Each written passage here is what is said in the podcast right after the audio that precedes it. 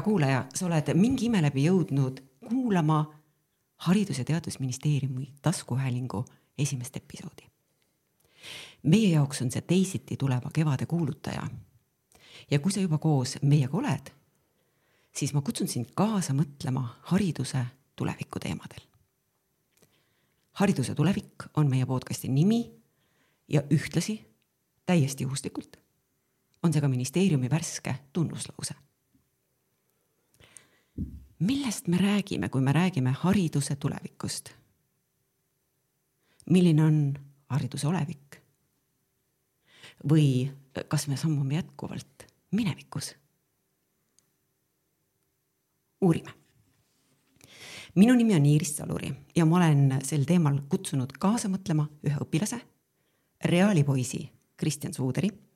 tere! õpilase kõrvale koolijuhi, uue, alles pungumise ootel oleva Pelgulinna riigigümnaasiumi direktori Indrek Lillemägi. tervist!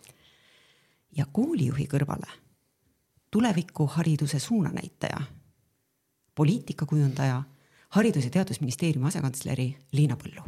tere! soojenduseks küsin ma teilt kõigilt, mis on olnud see, mis on teid äh, sellesse tänasesse eluhetke toonud? ma enda kohta võin öelda, et äh, ma töötan ministeeriumis kommunikatsiooni valdkonnas eksperdina varsti juba terve aasta.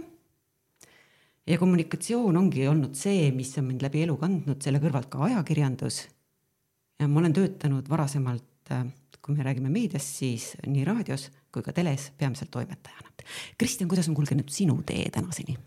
eks neid äh, tegureid, mis mind täna siia on toonud, ma arvan, et on põhimõtteliselt sadu, aga võib-olla kõige otsesemalt selle teemaga seotud viimased kolm aastat äh, reaalkoolis, enne seda ma käisin hoopis Kalamaja põhikoolis, äh, mis tegelikult oli ka nagu vägagi tore kool, ma võtsin sealt üsna palju huvitavaid kogemusi kaasa ja kindlasti see laiendas minu pilti sellest, mismoodi tegelikult õppida võib. aga need viimased kolm aastat reaalkoolis ma tunnen vähemalt, tõenäoliselt see on ka gümnaasiumi eripära, on ikkagi võimaldanud äh, nii-öelda tiibu lehvitada, et ma olen saanud väga palju erinevaid asju ära proovida äh,, väga palju võib-olla erinevaid õppimismudeleid ära proovida ja saanud ka teha väga palju sellist, mis võib-olla traditsiooniliselt sellisesse kooliraami ei mahu. ehk siis kirjutada mõni artikkel ja siin-seal väidelda ja käia töövarjudel, mis on samuti kõik õppimise vormid. Indrek, kuidas sina oled jõudnud sellesse hetke? No mina olen, ma olen põhja käinud lõunaeestlane, et ma olen kunagi kooliteed Põlvas alustanud ja siis Tartus Treffneri gümnaasiumis jätkanud ja ja, ja tööradadel siis alustasin õpetajana Väike-Maarja gümnaasiumis eesti keele, kirjanduse ja filosoofia õpetajana. Ja nüüd siis viimased, mis ta siis läheb, juba seitsmes aasta läheb koolijuhina, nüüd siis käivitan värsket Tallinna Pelgulinna riigigümnaasiumit. Ja, ja vaikselt natuke õpetan ka Tartu Ülikoolis tulevasi õpetajaid kõrvale, nii et olen mm mul on olnud õnn jah, alati kuidagi koolis käimist, ükskõik kas siis õpilase, õpetaja või, või koolijuhi rollis nautida, et ei ole vist olnud jah, peaaegu ühtki päeva, kus ma elus, kus ma hommikul kooli minna ei oleks tahtnud. nii et, et võt-, pean seda, pean seda suureks privileegiks, et ei arva, ei, ei, saan aru, et see ei ole üldse nii enesestmõistetav või, või kõigil ei ole samasugune privileeg olnud kooliteed nautida nagu mul. mulle tundub, et ma olen saanud siia õiged inimesed, Liina Põld haridusministeeriumis. asekantsler, väga olulistes valdkondades üldharidus ja noortepoliitika, mis on äh, tõesti väga-väga suur äh, Eesti äh, elanikkonda hõlmav valdkond tegelikult, et on see siis lapse ja noore või lapsevanema või, või ka tõesti kooli ja haridusinimeste vaatest, et kõik meie otsused mõjutavad väga suurt hulka inimesi ja selles osas on sellel tööl hästi suur tähendus ja see on ka põhjus, miks ma selle suure väljakutse välja vastu võtsin ja, ja kandideerisin sellele ametikohale, aga ma olen eh, tegelikult ka väikesest linnast pärit, sündinud, kasvanud, koolis käinud Haapsalus. Sellel aastal eh, aastakooli tiitlit kandnud Läänemaa Ühisgümnaasiumi eelkäija Ferdinand Wiedemann Johann nimelise äh, Wiedemanni nimelise keskkooli lõpetanud, hiljem ülikoolis käinud, Tallinna Ülikoolis õppinud siis avalikku haldust ja, ja, ja hiljem magistri tasemel juba organisatsiooni käitumist, organisatsiooni psühholoogiat, mis on tänases töös ka päris palju kasuks tulnud. nüüd me oleme teiega tuttavaks saanud ja nagu öeldud, ma soovin, et te arutaksite natukene koos minuga hariduse tuleviku üle, aga võib-olla, mis mind käivitas, kui ma hakkasin mõtlema hariduse tuleviku peale, mind käivitas ähm, eelmise presidendi Kersti Kaljulaidi üks podcast, kus ka tema arutas hariduse tuleviku üle. et ta ütles, et ähm, elu meie ümber on viimase kolmekümne aasta jooksul tundmatuseni muutunud. et kui te vaatate kaubandust või vaatate ärimaailma, pangandust tervishoiuteenuseid. aga üks asi püsib tema sõnul, tema arvates muutumatuna. ta ütles, et koolisüsteem on jätkuvalt samasugune, nagu ta oli Lutsu kevades, kui Arno isaga koolimajja jõudis. aga teiselt poolt, kui ma kuulan kooliõpetajaid, siis ma kuulen kogu aeg, et kuidas me kõik nii kiiresti muutume, et nad ei suuda muutustega kaasas käia. ja ma küsin teie käest kus me tegelikult oleme või kus me teie arvates oleme? kuidas sina tunned no,, Kristjan? mina leian tegelikult seda, et, et no väga hea põhjus, miks kool kui selline üldine struktuur väga radikaalselt ei ole muutunud võib-olla tuhandeid aastaid. ja see lihtne põhjus on selles, et äh, inimpsühholoogia on jäänud äh, sisuliselt samasuguseks, et inimene töötab ikka samasuguse nii-öelda bioloogilise masinana õpib enam-vähem samamoodi, nagu me tegime seda mitu tuhat aastat tagasi. seega ütleme, see baasstruktuur seal ümber, kui me ei ole just äh, leidnud mingit viisi, kuidas mingi elektronkiibiga inimesele mingisugust informatsiooni koheselt sisestada, selle sellisel juhul peabki see baasstruktuur jääma üsna samasuguseks. Küll aga ma ikkagi ütleksin seda, et äh, kuigi nii-öelda see baas on meil sama, see nii-öelda inimpsühholoogiline aspekt siis meie võimekus mõista seda inimpsühholoogilist aspekti ja selle inimpsühholoogia erinevaid valdkondi, erinevaid tahkusid, erinevaid viise, kuidas võib õpetada, see on tegelikult oluliselt laienenud ja ma arvan, et praegu on mingil määral ka selline kuldaeg, kus inimesed on üsna vastuvõtlikud uutele ideedele, kogu see teadus põhimõtteliselt iga nurga alt laieneb ja ma arvan, et koolisüsteemides eh, ei ole võib-olla võimalik näha revolutsiooni, küll aga reformi aga ma ei tea, Kristjan mõtles küll nii suurelt, et ma ei oskagi mm. öelda, et oli see nüüd õpilase mõte või, või õpetlase mõte, aga kuidas sina, Indrek, näed äh, õpetajana, koolijuhina muutust või stagnatsiooni? no selles mõttes, et meil toimub muutusi väga erinevatel tasanditel et mul on väga hea meel, et Kristjan tõi välja selle ka, et, et noh, inimpsühholoogia ühelt poolt ei ole muutunud, aga on, me oleme paremini hakanud mõistma, kuidas ikkagi inimene parimal viisil õpib või kuidas grupiprotsessid toimivad, et. et noh, me kindlasti ei saa nagu haridussüsteemi sellist staatilisust põhjendada sellega, et et noh, alati on nii tehtud, et noh, aastatuhandeid on inimesed ka vitsa saanud, noh nüüd me lihtsalt teame, meil on parem teadmine, et, et kuidas see ikkagi mõjub kasvavale organismile, et noh. samamoodi meil on noh, hea teadmine, et, et selline, selline viis, kuidas on nagu aastasadu õpitud, et see tegelikult ei ole kõige mõistlikum, efektiivsem viis õppida. et noh, see teadmine sunnib ja kohustab meid süsteemi muutma. noh, teiselt poolt tõsi on see, et et noh, alati need suured muutused ei sünni just sellisest sisemisest õpetajate, teadlaste eh, soovist asju muuta, et tihti süsteemi muutuma sunnib hoopis eh, ümber muutuv keskkond, kriisid, eh, tehnoloogia mõju, et noh, me võime näha, et, et paljud asjad, mille, mille poole siin aastakümneid püüeldi, noh, koroona, koroonakriisi äh, Eh, nii-öelda aastake, paar eh, muutsid kardinaalselt seda, normaliseerisid mingit uutmoodi õppimise. nii et eh, noh, meil on siin sellised paralleelsed, paralleelsed rööpad, nii-öelda haridus, parim võimalik teaduslik teadmine, haridusfilosoofide õpetajate soov ja siis milleks meid keskkond sunnib, nii et. -hmm. aga ministeeriumi poolt vaadates, me oleme võtnud väga ambitsioonikas slogan endale, hariduse tulevik meiega mis peaks tulevikuhariduses tänasega võrreldes muutuma? tegelikult äh, siin noorhärrad ütlesid äh, päris olulised aspektid ära, mis on ka meie tõesti strateegiast tulenevalt, aga just nimelt äh, tulevikku suunavalt või tulevikku vaatavalt olnud need, need ka tegurid, millega seda hariduse muutumist siis põhjendada ja sisustada neid muudatusi.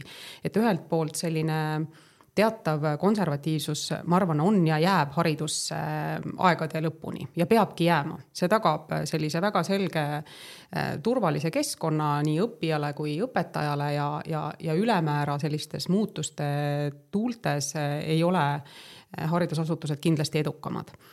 aga meie ütleme, tulevikusuunad keskenduvad sellisele õppijakesksele õppele või, või sellisele haridussüsteemile, et ta peab toetama seda õppijat ja sõltumata sellest, kas see haridus, mida ta omandab, on siis formaal või mitteformaal nii-öelda süsteemis. ehk et, et see õppimine saab toimuda kõikjal, nii nagu äh,, nagu ilusti Kristjan ka enne ütles, et mis kõik võib olla õppimine ja sellega peab süsteem kaasa tulema ja, ja tõesti juba läbi käinud siin ettevõtluskeskkonna areng, tehnoloogia areng ja nii edasi, et sellest on palju räägitud, õpe muutub kindlasti personaalsemaks, sellist nii-öelda keskmist äh, õpilast äh, on tulevikus kindlasti oluliselt vähem meie koolisüsteemis. aga siiski on, on teatav äh, nii-öelda arengu või eakohasus, mis, mis käib kaasas pisikesest lapsest peale kuni siis siis noore inim-, nooreks inimeseks sirgumiseni ja, ja sellist, seda seaduspära kindlasti ei saa eirata personaalsed õpiteed, personaalne õpirada, õppimise muutumine personaalsemaks. Kristjan, mis see sinu jaoks tähendab? no ma arvan, et siin on kaks olulist aspekti.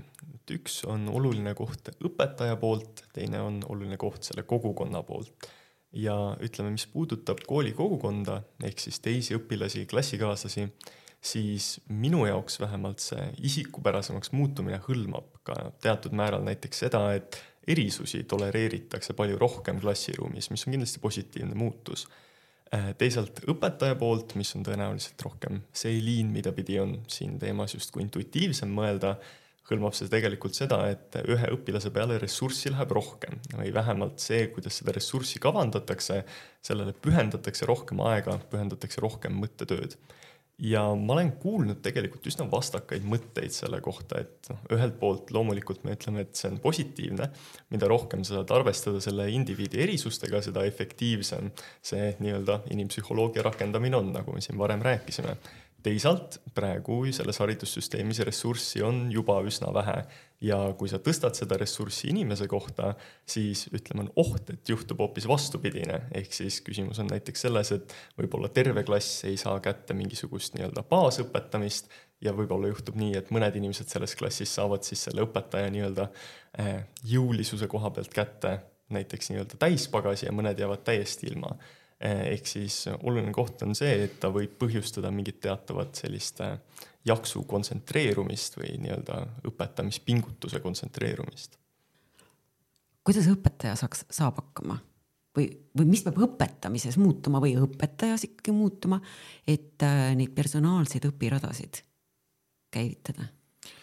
no number üks ja see on muidugi juba on muutumas, on see, et, et teisenenud ja teisenemas on õpetaja roll, et kui muidu klassikaliselt õpetaja oligi see, kellel oli teadmiste informatsiooni monopol, õpetaja oli tavaliselt rohkem lugenud, oskas rohkem võõrkeeli, tal oli kodus suurem raamatukogu. ja siis oli mõistlik, ratsionaalne koguda need ilma teadmisteta noored kuhugi klassiruumi kokku, et üks suur juhtteadja saaks siis noh, seda oma teadmisi täis kannu õpilastele valada, noh. me teame, et see meetod, kuidas valati, et paluti kõigil korraga suud lahti teha ja valati sama, sama nii-öelda mahla kõigile. et noh, see oli üsna ebaefektiivne, suurem osa loksus maha, noh, kellelegi midagi jäi, mõni võib-olla inspireerus ise, ise oma teadmisi täis, oma, oma kannu täitma. aga noh, nüüd muidugi selgelt õpetaja on rohkem selline mentor, see, kes aitab õpilastel selles infomüras orienteeruda, aitab äh, nii-öelda vahet teha, missugused allikad on väärtuslikud, usaldusväärsed, missugused mitte, aitab seada eesmärke, aitab õppida äh, õpp-, seda, kuidas õppida, kuidas suhelda, kuidas eesmärke seada, kuidas ennast juhtida.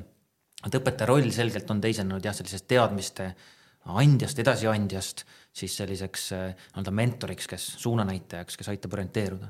aga ma võib-olla siia tooksin lihtsalt paralleelse trendina, mis minu arvates nagu hariduse tuleviku peale mõeldes on hästi oluline, et me räägime hästi palju personaalsetest õpiradadest, personaalsete, õppijate personaalsest toetamisest, aga noh, teine oluline asi, mis kindlasti on suunamas seda, kuida-, kuhu meie koolisüsteem, haridussüsteem läheb, on, on vastupidi, need meie kollektiivsed väljakutsed. noh, keskkonna ja kliimaküsimused näiteks väljakutsena, mis mis ei ole, need, need ei ole indiviidi väljakutsed, need on väljakutsed meile nagu ühiskonnana. Äh, isegi mitte ainult no, äh, lokaalselt, vaid globaalselt. Need eeldavad hoopis teistsuguseid probleemilahendusmeetreid, hoopis teistsuguseid koostöövorme ja need eeldavad ka hoopis teistsuguseid hoiakuid nii-öelda enda kui indiviidi taandamises. et, et noh, siin on jällegi, et nagu me räägime, et palju on sellest haridusuuenduse, haridus, hariduse tuleviku üle mõtiskledes nagu vastuolusid, paradokse. üks trend on samal ajal justkui vastupidise trendiga, nii et noh, minu arvates see, see on asi, mida ei tohi unustada, et, et lisaks personaalsele on meil järjest olulisemal kohal see ühine. ja, ja siin haridussüsteemi rolli ei, kindlasti ei saa alahinnata selle, nende ühiste väljakutsete lahendamisel. mulle tegelikult ähm, sellest samast Kersti arutab äh, jutust siis või sellest podcast'ist jäi meelde ka see, et ja, ja mis mind ennast nagu väga isegi natuke hirmutab, kui ma oleksin õpetaja, ma ei ole õnneks õpetaja. ja ma võin selle hirmu endast mööda lasta või maha lasta, et sulle tulevad eriti gümnaasiumis, aga võib-olla juba ka varem. Klassi lapsed, kes on teatud asjades, teatud küsimustes sinust kordades targemad, sest info on ju kättesaadav. ja siis on neid, keda teema ei huvita ja sa pead saama hakkama ühtede ja teistega tegelikult see on ju alati nii olnud, võib-olla need käärid on tõesti noh, nii-öelda suuremaks läinud, aga tegelikult see on alati nii olnud, lihtsalt varem me ei arvestanud, ei tahtnudki nende eripäradega nii palju arvestada. õpetaja luges kantslist oma raamatut ette, sõltumata sellest, kas mõni õpilane oli seda kodus lugenud või noh, või ei olnud. nüüd me lihtsalt tahame sellega arvestada, tahame pakkuda nii-öelda lähima arengutsoonis eh, õppimist kõigile. Kristjan, sina oled selles keskkonnas täna ja tõenäoliselt äh, mõningates küsimustes mõnedest õpetajatest ka targem. kuidas sa tunned ennast koolis? no esmalt ma ütleks, et ma ikka eriti nendest targem ei ole, aga ütleme nii, et nii palju, kui ma olen nendega kokku puutunud õpetajatega, siis ma mõtlen, siis nad on olnud tavaliselt väga rõõmsad, kui on mingi väike detail, äh, mida noh, mõni inimene klassis teab, mida nemad varem ei teadnud. Äh, mina ütleks seda, et üks võib-olla hea külg selles, et mingites väga spetsiifilistes valdkondades võib olla see juhus, et äh, mõni õpilane on õpetajast targem. selle väga tugev positiivne külg on see, et see hetk, kui see õpilane hõikab selle näiteks faktikese välja ja õpetaja tunnistab seda ja räägib sellest ka võib-olla paar sõna või paar kommentaari, siis see informatsioon ju tegelikult jõuab kogu klassile. ehk siis mingil määral see tegelikult hakkab ühtlustama seda klassi teadmist ja see, et õpilasel, nagu siin sai ka varem mainitud, on see mingil määral suurem individuaalne roll nüüd selle materjali kujundamisel, millest klassiruumis räägitakse, selle väga hea külg on see, et kõik mõtted levivad klassiruumis ja tegelikult need tarkused levivad. ja kui sinna juurde lisada see õpetaja enda kompetents, noh, ma arvan, et see kombinatsioon on väga viljakas. väga hea, sa, sa tõid välja minu jaoks äh, veel ühe olulise aspekti, et noh, miks peaks käima koolis, kui ma mõtlen tulevikuharidusele, siis me võiksime ju kõik ka individuaalselt õppida ja koroonaaeg näitas, et nii mõnedki on ju suutelised individuaalselt õppima, minna kuskile, anda oma teadmistest ülevaade, aga just see mõtete levik. see, kuidas tekib sünergia. et, et tulevikukoolis, tulevikukooli, kui me, ma ei tea, kui kaugele tulevikku me vaatame, et siis me võime küll rääkida personaalsetest õpiradadest, aga see ei tähenda, et igaüks õpib omaette absoluutselt mitte ja me ju näeme praegugi, et haridus noh, pigem, pigem on üha sotsiaalsem või, või üha rohkem me teadlikult tegeleme sotsialiseerumisprotsessiga hariduses. et pigem eh, klassikaliselt on olnud see sellise nii-öelda variõppekava osa, see on see, mis toimub, mida kuskil õppekavas ei kirjeldata, mis lihtsalt on.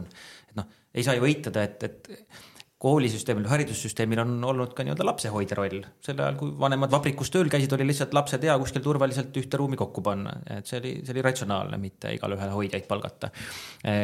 aga noh, nüüd me üha rohkem tegeleme sellega, et kuidas need suhted kujuneksid, kuidas inimesed õpiks teadlikult suhteid kujundama, oma emotsioone suhetes reguleerima ja nii edasi, et, et see on, see on jälle see paralleelprotsess sellele individualiseerumisele mm. -hmm. ma olen ka sellega täiesti nõus ja ma ütleks ka seda, et mida sotsiaalsem on see õpikeskkond, seda dünaamilisem on kõik see, mis klassis juhtub ja ma arvan, et see on võib-olla perspektiiv, mis jääb võib-olla paljudel nägemata, kes ise klassiruumis väga tihti ei ole. aga see, mis muudab tunni huvitavaks, mis muudab selle meeldejäävaks, ei pruugi olla see, et seda materjali on esitletud kõige haridusefektiivsemal moel, vaid võib-olla hoopis see, et sel hetkel klassis juhtus midagi naljakat või see, et sellel õpetajal on mingisugune iseloom, isiksus, temaga seostub mingisugune legend. ma arvan, et need asjad on peaaegu võrdväärselt tähtsad selles, et inimestel oleks motivatsioon tulla kooli, sellest kooli kogu keskkonnast osa saada, isegi kui nad ei ole selles aines võib-olla niivõrd osavad, siis see, et see õpetaja on iseloomulik, võib-olla pisut naljakas, võib-olla pisut jultunud, võib-olla tema kohta ringlevad mingisugused põnevad lood, juba see lisab väärtust sellele tunnile, see tekitab teatavat entusiasmi. sa lähed sinna tundi kasvõi selleks, et näha seda pisut kummalist õpetajat ja võib-olla jutustada hiljem mõni lugu aga selle käigus, et sa sinna lähed ja lähed sinna teataval määral rõõmsa tujuga, lahtise peaga, võib-olla sa kogemata omandad ka mõne füüsikavalemi, ma arvan, et see on väga tore. Oh, ma kohe, vabandust, Liina, aga ma ütlen, et ma arvan veel enam, et siin ma läheks kihi veel edasi, et see, mis muudab kooli nagu huvitavaks, mis tihti ka koolist meelde jääb, tihti ei ole üldse tund. Et, et jah, et ma arvan, et me keskendume või noh, haridusest rääkides isegi liiga palju sellele, mis, mis toimub tunnis et see on väga väike osa sellest, mis on haridus ja mis on kool. ja lisaks jah sellele, et mis, et kui me räägime teadmistest või nendest distsipliinidest, mida me koolis õpime, nendest akadeemilistest tulemustest, mis on ju vaieldamatult hariduse üks väga oluline eesmärk, kuhu me peame jõudma, on koolil. Ja nagu sa ise ka alustasid, Iiris, et, et sina kui reaalipoiss ja, ja meie siin rääkisime, et me oleme väiksest linnast, et see, et see identiteet ja see kuulumine, et need sümbolid, need artefaktid, kõik kogu selle nii-öelda kooli selle olemuse äh, mõtestamine ja arusaamine, et, et see kõik mida ilusti Kristjan ka kirjeldas, et, et õpetajad on värvikad ja, ja kindlasti on nad noh, palju see eeskujuks õpilastele ja nii edasi. aga, aga see ka ikkagi see, see mina kui selle kooli vilistlane, mis on nagu hästi oluline ja me oleme palju arutanud selle üle, et, et kui tõesti tulevikus haridus on nii mitmekesiste võimalustega, et ma võin võtta kursuseid kust iganes või, või, või ollagi gümnaasiumiõpilasena võib-olla juba ülikooli teise kursuse tudengitega samades loengutes ja nii edasi või võtta hoopis kutsesuunalt mõningaid põnevaid äh, loenguid, et ikkagi siis see, see minu nii-öelda äh, ankurkool, et see on nagu tähtis ja see peab jääma õpilase jaoks, et see võib-olla on see traditsiooniline pool, mis ikkagi jääb. ma korraks tuleksin tagasi veel selle, selle kooli identiteedi juurde, et ma arvan, et see saab olema üks selliseid noh, suuri muutjaid et inimeste identiteet on üha vähem nagu kohakeskne. inimeste identiteet on üha globaalsem, üha, üha kergem on koonduda mingisugustes virtuaalsetes mullides, kus noh, mis, mis, mis võib-olla mis võivad olla nii väga positiivsed mullid, võivad äh, võimendada mingit sorti ühisõppimist, äh, aga mis võivad olla ka väga negatiivsed või, teatud sorti noh, stereotüüpe taastootvad mullid, et noh, lihtsalt konkreetne näide, et, et, et noh, mida tähendab see koha või kooli identiteet või, või klassikalised sõprussuhted, et, et minu eelmises koolis üks esimese klassi õpilane ütles äh, kooli alguses septembris, et tema parim sõber on Uus-Meremaal ja ta pole teda kunagi näinud ja see oli see, see oli tema turvainimene, kellest kinni hoida. Eh, ta oli temaga tutvunud mingisuguses arvuti, mingi arvutimängu kaudu, ma isegi valetaks, kui ma ütlen, et mis, mis mäng see oli. aga ka see oli tema kõige noh, nii-öelda omavanuste seas kõige lähedasem inimene. ja, ja kui meil oli vaja seal ka nii-öelda oma raamat esimeses klassis siis kokku panna, siis tema pani sellest oma sõbrast, keda ta polnud kunagi näinud ja see ei olnud selles mõttes väljamõeldud sõber, see oli reaalne inimene ja see iseloomustab seda, kuidas või noh, missuguses maailmas me elame, et kuidas, kuidas on suhted kujunemas, kuidas on identiteedid kujunemas, kui, kui rohkem mitmekihilised need võivad olla, kui need on klassikaliselt olnud. ja, ja see paneb jälle meid, sunnib meid mõtlema läbi selle hästi väärtusliku silmast silma kogemuse, mida ikkagi noh, me haridussüst-, mille poole me haridussüsteemis ikkagi püüdleme, jah, et mis roll sellel on, me ei saa seda enam võtta nii iseenesestmõistetavalt, kui, kui see varem oli.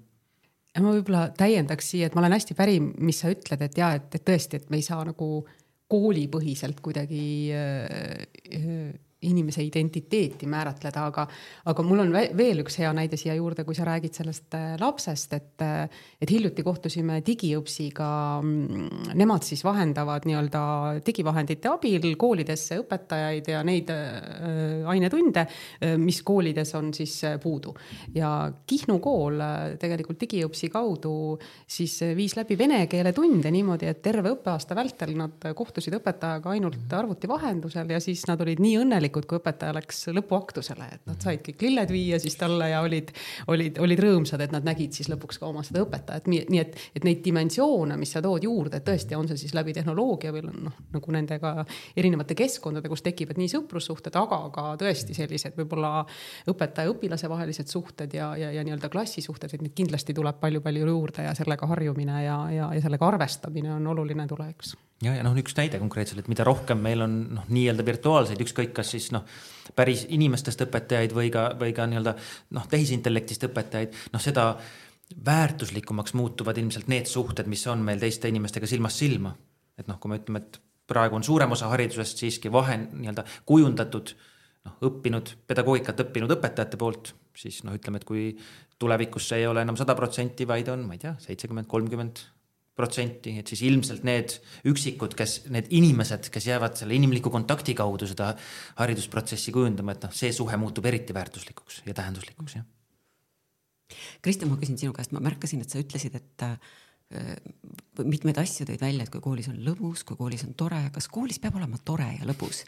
õpetajad ütlevad, et õppimine on raske töö ei no absoluutselt peab olema, peab olema lõbus, et selles mõttes see lõbu ei pea ilmtingimata avalduma selles, et tööd üldse ei ole ja et on pidevalt nii-öelda tralli löömine, aga see lõbu võib väljendada ka selle, väljenduda ka selles, et äh, sul on klassikaaslased, kellega koos te olete kirjutanud kella kaheni öösel mingisugust esseed ja sellest tekib teatav noh, ma ei teagi, ma isegi ütleks selle kohta võib-olla vendlus äh, või noh, selline noh, sõprussuhe või teatav side, et äh, noh, see on justkui nagu jagatud kogemus. et äh, ma arvan, et jagatud kogemus nende sellistele nii-öelda jagatud kogemust tekitavatele sündmustele rõhumine koolielus, et see mõte käis ka läbi, et seda sotsiaalelu ehitada ka nii-öelda klassiruumi väliselt. noh, ma arvan, et need tegurid on ülimalt olulised, need loovad selle lõbu ja üldiselt ma arvan ka seda, et ega õpetajad ka eriti ei taha, et äh, nii-öelda koolis käimine või nende aine õppimine mõjuks kuidagi selliste trööstitu ettevõtmisena. et ma nii palju, kui ma nendega olen suhelnud ja neid tunnen, siis nad ise kõik pingutavad väga selle nimel, et äh, samamoodi oleks see aine lõbus ja meeldejääv noh, siin võib vaadata seda asja puht nagu väga, või väga lihtsalt baastasandil, et inimene, kes on äh, rõõmus on lihtsalt suurema tõenäosusega selle materjali omandab põhimõtteliselt juba neurotransmitteri tasemel. inimene, kes on äh, tõrges ja trotslik, seda tõenäoliselt ei tee. ja kuna õpetaja huvides on peaaegu alati, ma julgeks öelda see, et nende õpilased omandaks selle materjali, siis loomulikult see motivatsioon teha positiivne klassiruum on, on alati olemas. Õpetajate soov on, et õpilane omandaks selle materjali. õpilase soov on, väga paljude õpilaste soov on teha nägu, et ma olen selle materjali omandanud. ja tänased IKT vahendid võimaldavad väga lihtsalt seda nägu teha. kuidas õpetaja selle näo taha näeb? Sa vihjad nüüd konkreetselt näiteks eh, noh, chat GPT eh, arengule näiteks, või? ja, näiteks igasugustele ja. arengutele. kui klassis on ikkagi kolmkümmend last, okei okay,, ma saan nendega kõigiga suhelda, aga seda tagasisidet, mida see laps siis tegelikult omandanud on ja mida ma talle siis tagasisidena saan anda, et mis on puudu, mis on vajaka seda tehakse, kas seda jõuab teha silmast silma? Ei noh, muidu muidugi selles mõttes koolis on alati aeg ja, ja ruum äh, piiratud, aga noh, see on, see on üks osa sellest, ma arvan, et samasugune kohanemisprotsess oli vaja trükipressi tulekuga või, või entsüklopeediate kätte laialdase levikuga nagu läbi teha, et, et peab muutuma see, mis on koolis fookuses. et noh, me oleme ammu liikunud sinnapoole, et fakti teadmine noh, on mõnes mõttes eh, muutunud üheks oluliseks asjaks teiste kõrvalt, mitte, mitte esmaseks. et, et me kogu aeg küsime, et mida nende faktidega peale hakata, kuidas faktidest, faktide, faktiteadmiste juurde äh, tuleks ka oskused neid fakte kasutada, kuidas kujuneks hoiakud, väärtusruum, suhteruum ja nii edasi, et noh, ma arvan, et tark õpetaja kohaneb nende uue maailma väljakutsetega, pigem õpib koos õpilastega, kuidas neid uusi vahendeid parimal viisil tööle panna. Annabki õpilastele võimaluse neid vahendeid kasutada, sest et õpilased oma hilisemas elus, ükskõik kas siis noh, toome näiteks needsamad tekstiloome tööriistad, et oma hilisemas elus, ma ei tea, armastuskirju kirjutades või, või ajakirjanikuna töötades, nad hakkavadki neid tööriistu kasutama et noh, mõistlik on siis need tuua ka klassiruumi ja, ja õppida kasutama, õppida äh, seda inimlikku äh, puudet sinna juurde lisama, õppida vahet tegema, missugune on siis tehisintellekti koostatud tekst, missugune on inimlase koostatud tekst. Äh, õppida vahet tegema, millal on mõistlik, mitte inimesena liialt rabada ja lasta sellel tekstirobotil see tekst ära kirjutada. et noh, ma arvan, et see lihtsalt tark õpetaja kohandub kindlasti ei ole õpetajal mõtet tekstiroboti kirjutatud esseesid või kirjandeid hakata parandama et kindlasti on äh, õpetajal. küsimus, kas õpetajal on väga mõtet neid, ma arvan, et see on nagunii, Eesti õpetajad keskenduvad liiga palju mingite tekstide parandamisele, see on üldse, üldse mõttetu töö. jah, et õpetajal on pigem äh, mõistlik võimalikult ruttu õpilaste abiga, kasvõi näiteks nagu eelpool oli juttu, et kui õpilased juba tunnevad seda keskkonda, äh, sellega sõbraks saada ja tõesti võib-olla näiteks paluda robotil kirjutada võimalik erinevaid kirjatükke ja, ja just nimelt võrrelda neid, analüüsida tõesti, aru saada, mis on siin, kui palju on siin äh, sees siis äh, tõenduspõhisust, palju mhm. loogikavigu ja nii edasi ja nii edasi, et, et, et see, see, see areng on nüüd tulnud, et jääda ja pigem, pigem täpselt nagu Indrek ütles, et et, et neid tekste, mida suudab robot genereerida, neid ei ole ju vaja siis tulevikus inimesel teha mm. -hmm jah, ja noh, ma ei tea, Kristjan siin mainis sissejuhatuseks väitlust näiteks, noh, ma kujutan ette, et, et nende tekstirobotite tulek, noh, võiks näiteks meie keeletundidesse tuua, noh, meetodina rohkem väitlust. Noh, et, et me hakkame keskenduma rohkem sellele, mis on meile inimlikult nagu eripärane, milles me veel hetkel nii-öelda ükskõik, kas siis emotsionaalses mõttes või sisulises mõttes edestame tehisintellekti, nii et mis puudutab seda, et kuidas me peaksime vaatama seda tekstirobotite laienevat kasutust, minu meelest see oleneb sellest, et kuidas sa nii-öelda haridusfilosoofiliselt vaatad seda, mis see nii-öelda hea essee kirjutamise õpetamine tegelikult on. kas sa õpetad inimest kirjutama head esseed, mille puhul tegelikult ei tohiks olla midagi selle vastu, et nad neid tekstireporteid kasutavad, sellepärast et tulemus on hea essee. või siis äh, sa õpetad inimest, kuidas nii-öelda luua mingisugust kunsti et kas see essee kirjutamine on siis nagu põhimõtteliselt mingisugune kunstiline väärtus, mida me tahame edasi anda ja sel juhul ma arvan, on rohkem vaidlemisruumi. Äh, kuigi absoluutselt on küsimuse all ka see, et kas see on üldse mingi suund, kuhu haridus nii-öelda peaks sihtima. Äh, aga kui on, siis minu arvates saab argumenteerida selles suunas, et lõppkokkuvõttes see, mida loob tekstirobot, ei ole niivõrd suure nii-öelda inimliku väärtusega võib-olla kui see enda loodud essee. ja võib-olla mingil määral me siin võib põhjuseid palju veeretada, aga tahamegi inimesele õpetada seda, et vahepeal peab natukene vaeva nägema selle tekstitukikese nimel. Äh, seega neid perspektiive on siin päris palju.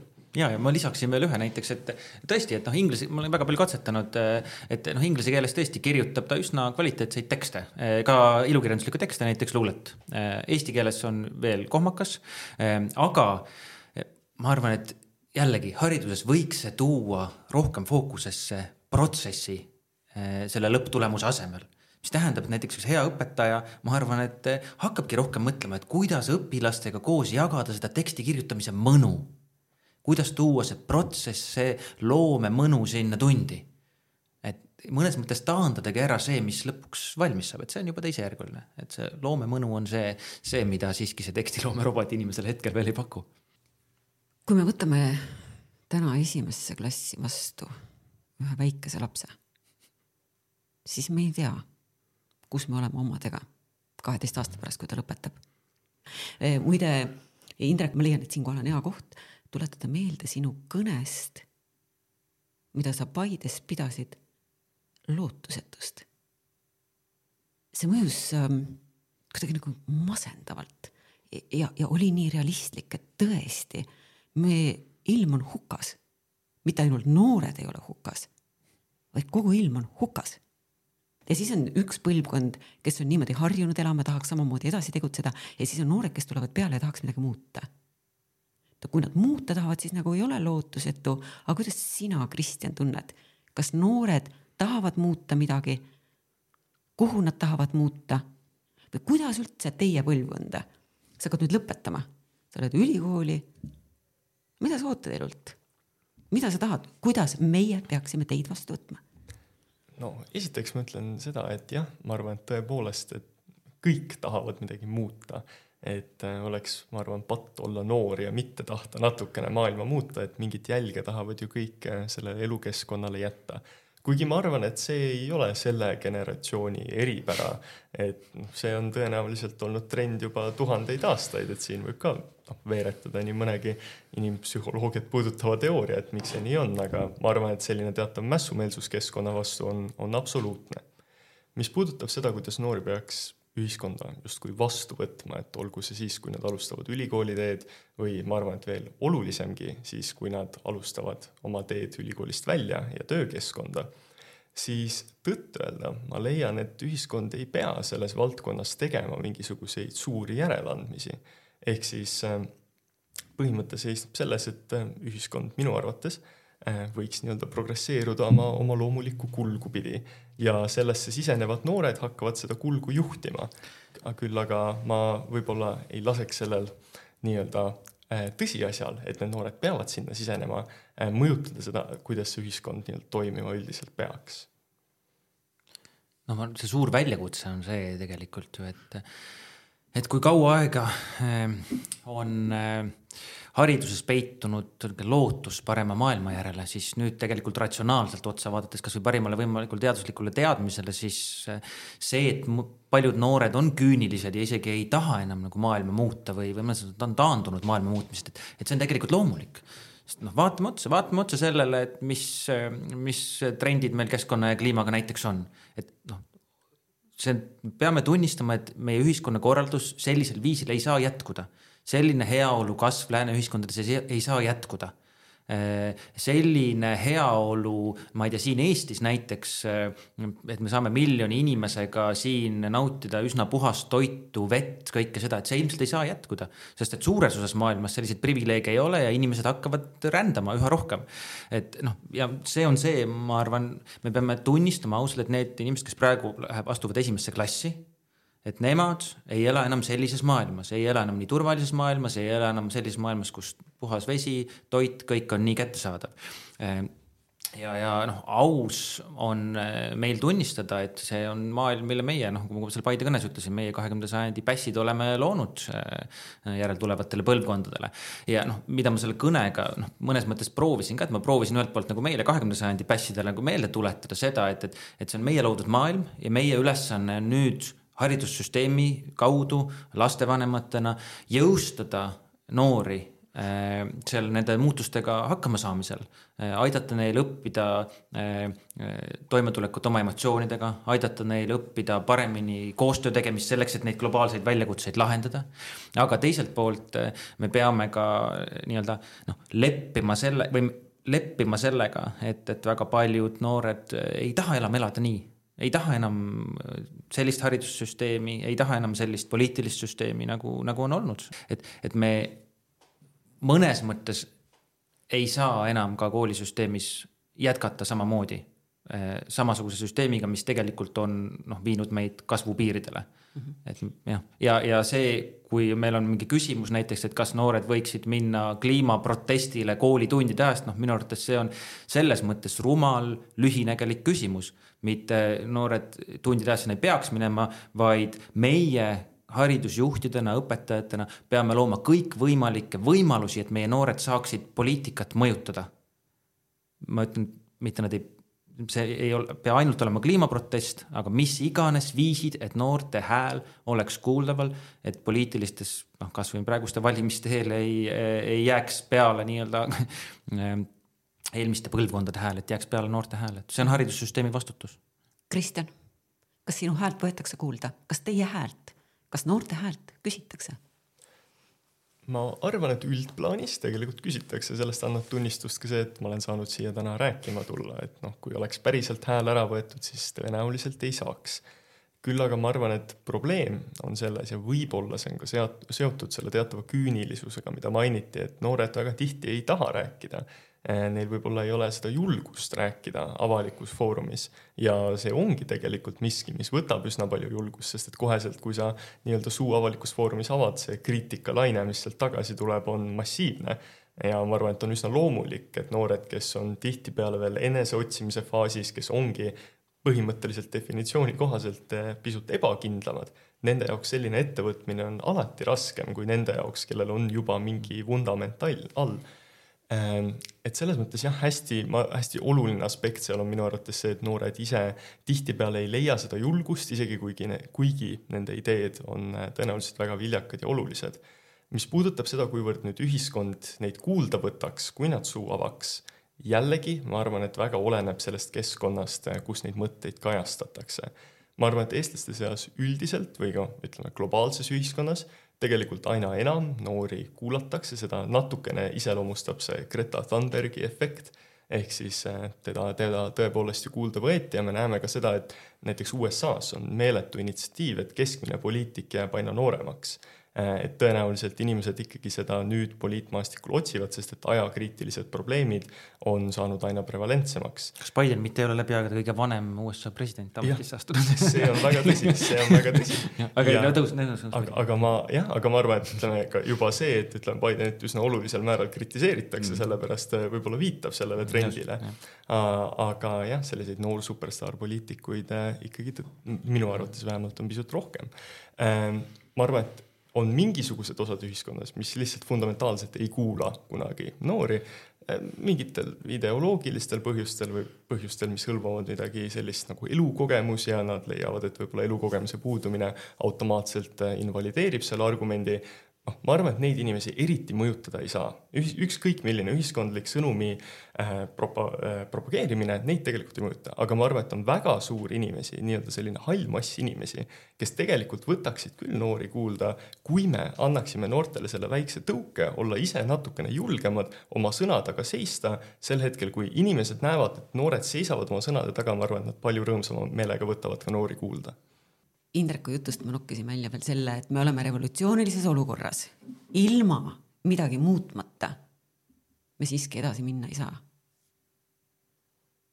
miski peab muutuma. kes on selle muutuse vedaja? kas see on tõesti Haridus- ja Teadusministeerium või kust need muutused tulevad? Liina, ma ei tea, vastata, aga no eks ministeerium need... viib ju ikka alati ellu ka mingit sorti ühiskondlikku tellimust, et ministeerium noh, ei ole ise see noh, selles mõttes on sihisead ja võib-olla pedagoogilise või parima võimaliku teadusliku teadmise mõttes, meetodi mõttes, aga noh, filosoofilises mi... mõttes ju ikkagi olete ühiskondliku tellimuse täitja või poliitilise tellimuse täitja et, et signaalid või, või ma mõtlen, et kui muu-, kui me räägime, et need muutused on möödapääsmatud, siis kes on muutuste algatajad?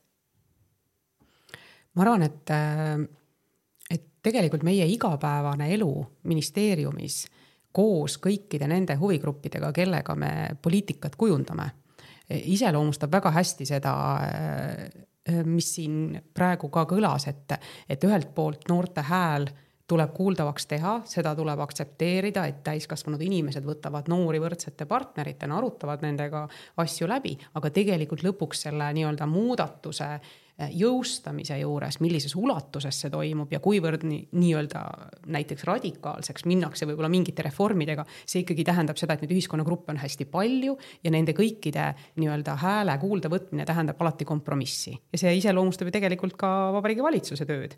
et, et koalitsioon, kes tuleb kokku, ta esindab rahva äh, Äh, saadikutena on seal erinevate inimeste nii-öelda ootused on seal, seal kokku saanud ja sellest sünnib selline nii-öelda äh, võib-olla mõõdukas poliitika ja, ja see on võib-olla see, mis, mis, mis on nagu takistanud ka näiteks valitsusasutustel, antud juhul haridusministeerium, aga ka iga teine valitsusala ministeerium äh, võib-olla tegema nagu selliseid väga jõulisi samme või jõulisi muutusi mingisugustes küsimustes, et kui siin näiteks noh, jah, et mm. -hmm võib-olla jah, siin lõpetangi, et aga, aga, see ja. nagu iseloomustab seda, et küsimus ei ole võib-olla selles, et noh, et see hääl ei ole kuulda, aga, aga, aga see nii-öelda äh, tasandub siis äh, teatud huvigruppide koosmõjus ja, ja see on ka tegelikult poliitika kunst et, et, et seda, seda, seda tegelikult oskus seda teha nii, et jääks väärikaks siis kõik need äh, osapooled, kes on, kes on sinna laua äärde kokku tulnud. noh, siin ma selles mõttes isegi, ma arvan, et Eestis on väga hästi, et Eestis on siiski ministeerium püüab tõesti haridusmuutust eest vedada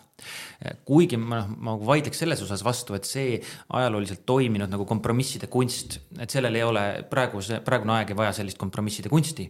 et kui meil on küsimus, et kas me, et me otsime kompromissi teadlaste vahel, kes, kellel on selged, eh, selge teadmine sellest, et me oleme kasvupiiridel, meil on ökoloogiline kriis, meil on hüdroloogiline kriis, meil on kliimakriis ja nii edasi. ja nende vahel, kes lihtsalt mõtlevad ja, ja eitavad noh, parimat võimalikku teaduslikku teadmist, noh siis see ei ole koht, kus kompromissi otsida, sest et meil on hariduse kujundajad poliitikutena, poliitikakujundajatena vastutus nendesamade esimesse klassi astuvate inimeste ees.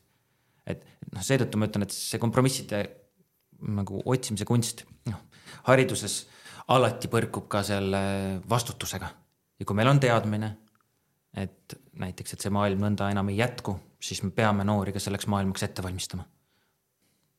ma küsin nüüd sellise võib-olla natukene liiga suure filosoofilise küsimuse, mis on kooli pealise ülesanne. me võtame kooli vastu ühe toote, ühe lapse. oh, see kõlas juba jõledalt, aga. jah, kelle me sealt välja laseme toode kaks punkt null. ei no ma, ma võin alustada niipidi, et, et noh, hariduse eesmärki kindlasti niimoodi üheselt määratleda ei olegi mõistlik, et haridusel ongi väga noh, erinevaid eesmärke. aga võib-olla lihtsalt kuna ma kunagi oma magistritöö tegin sellest, et ma uurisin Eesti koolijuhtide haridusfilosoofilisi hoiakuid ja üks osa just oli, ma uurisin ka seda, et kuidas Eesti koolijuhid mõtestavad hariduse eesmärki.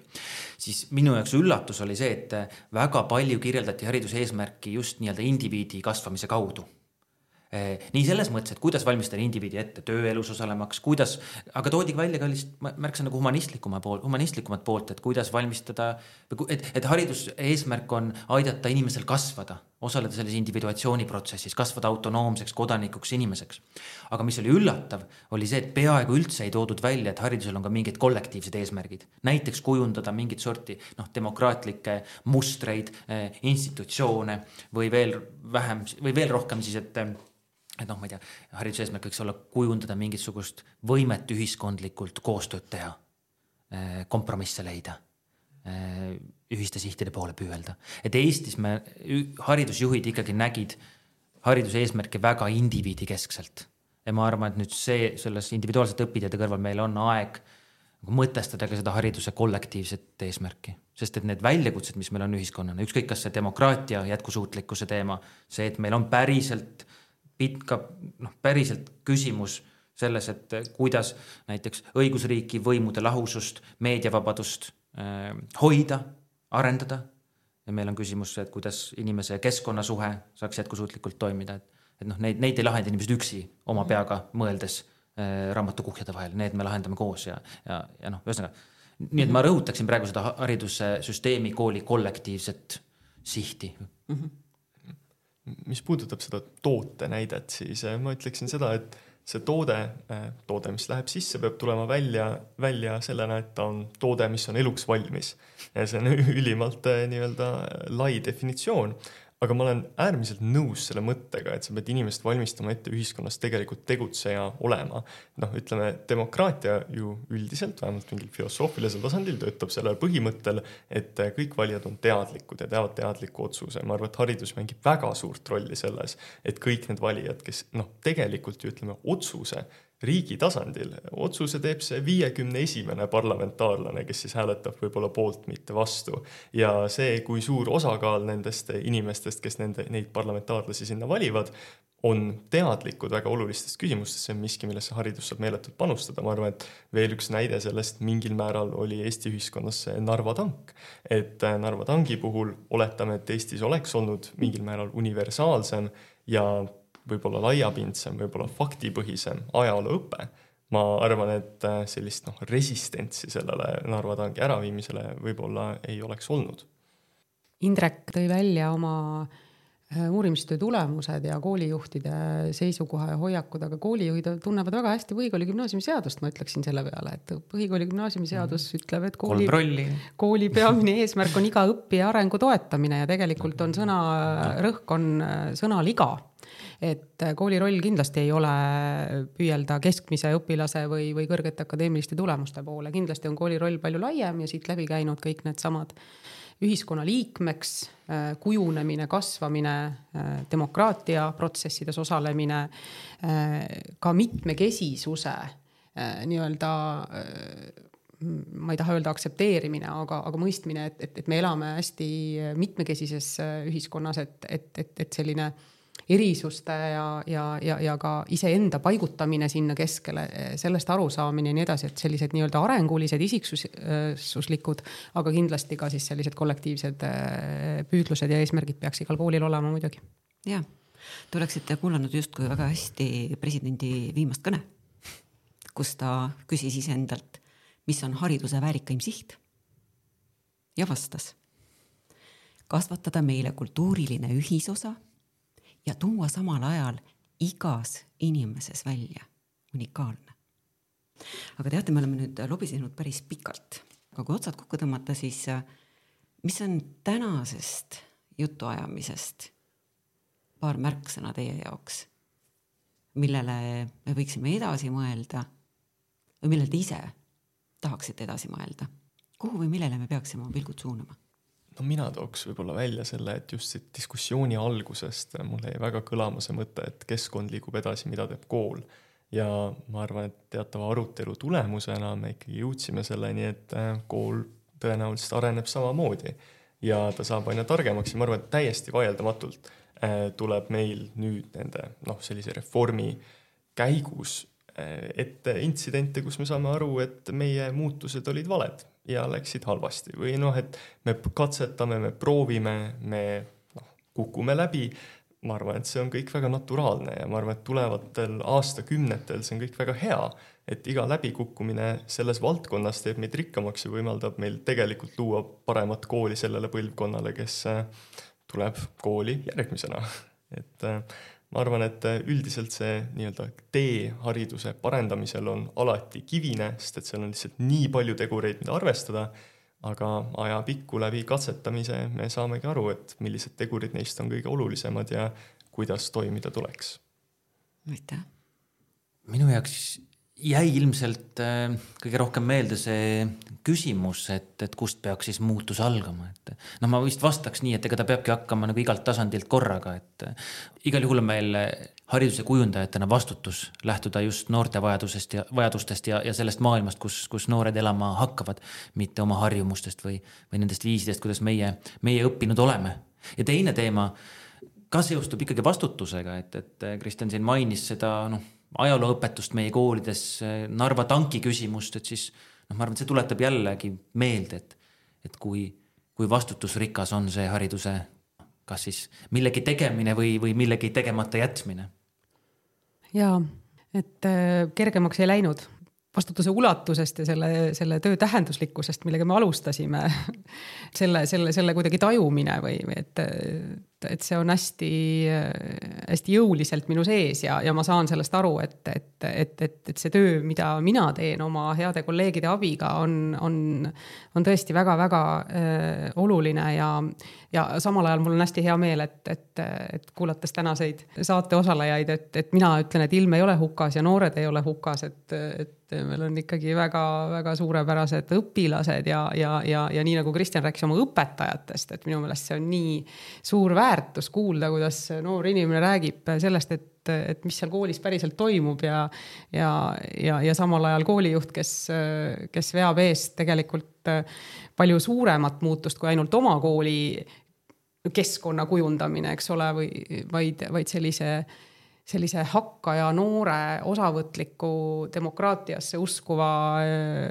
valitsust kritiseerida julgeva noore kujundamist, et, et, et selles mõttes ma tahan jah öelda, et aitäh omalt poolt ja, ja, ja võtta selle vastutuse kaasa ja, ja sellega edasi töötada pühendunult.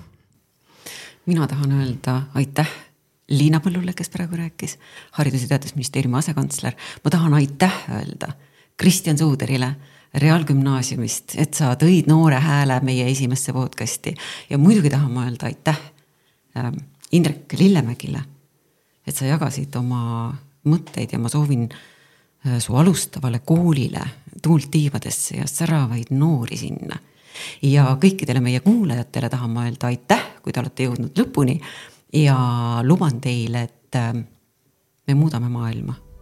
me seisame hariduse tuleviku eest ja räägime teile, kuidas me seda teeme juba järgmistes episoodides. aitäh kõigile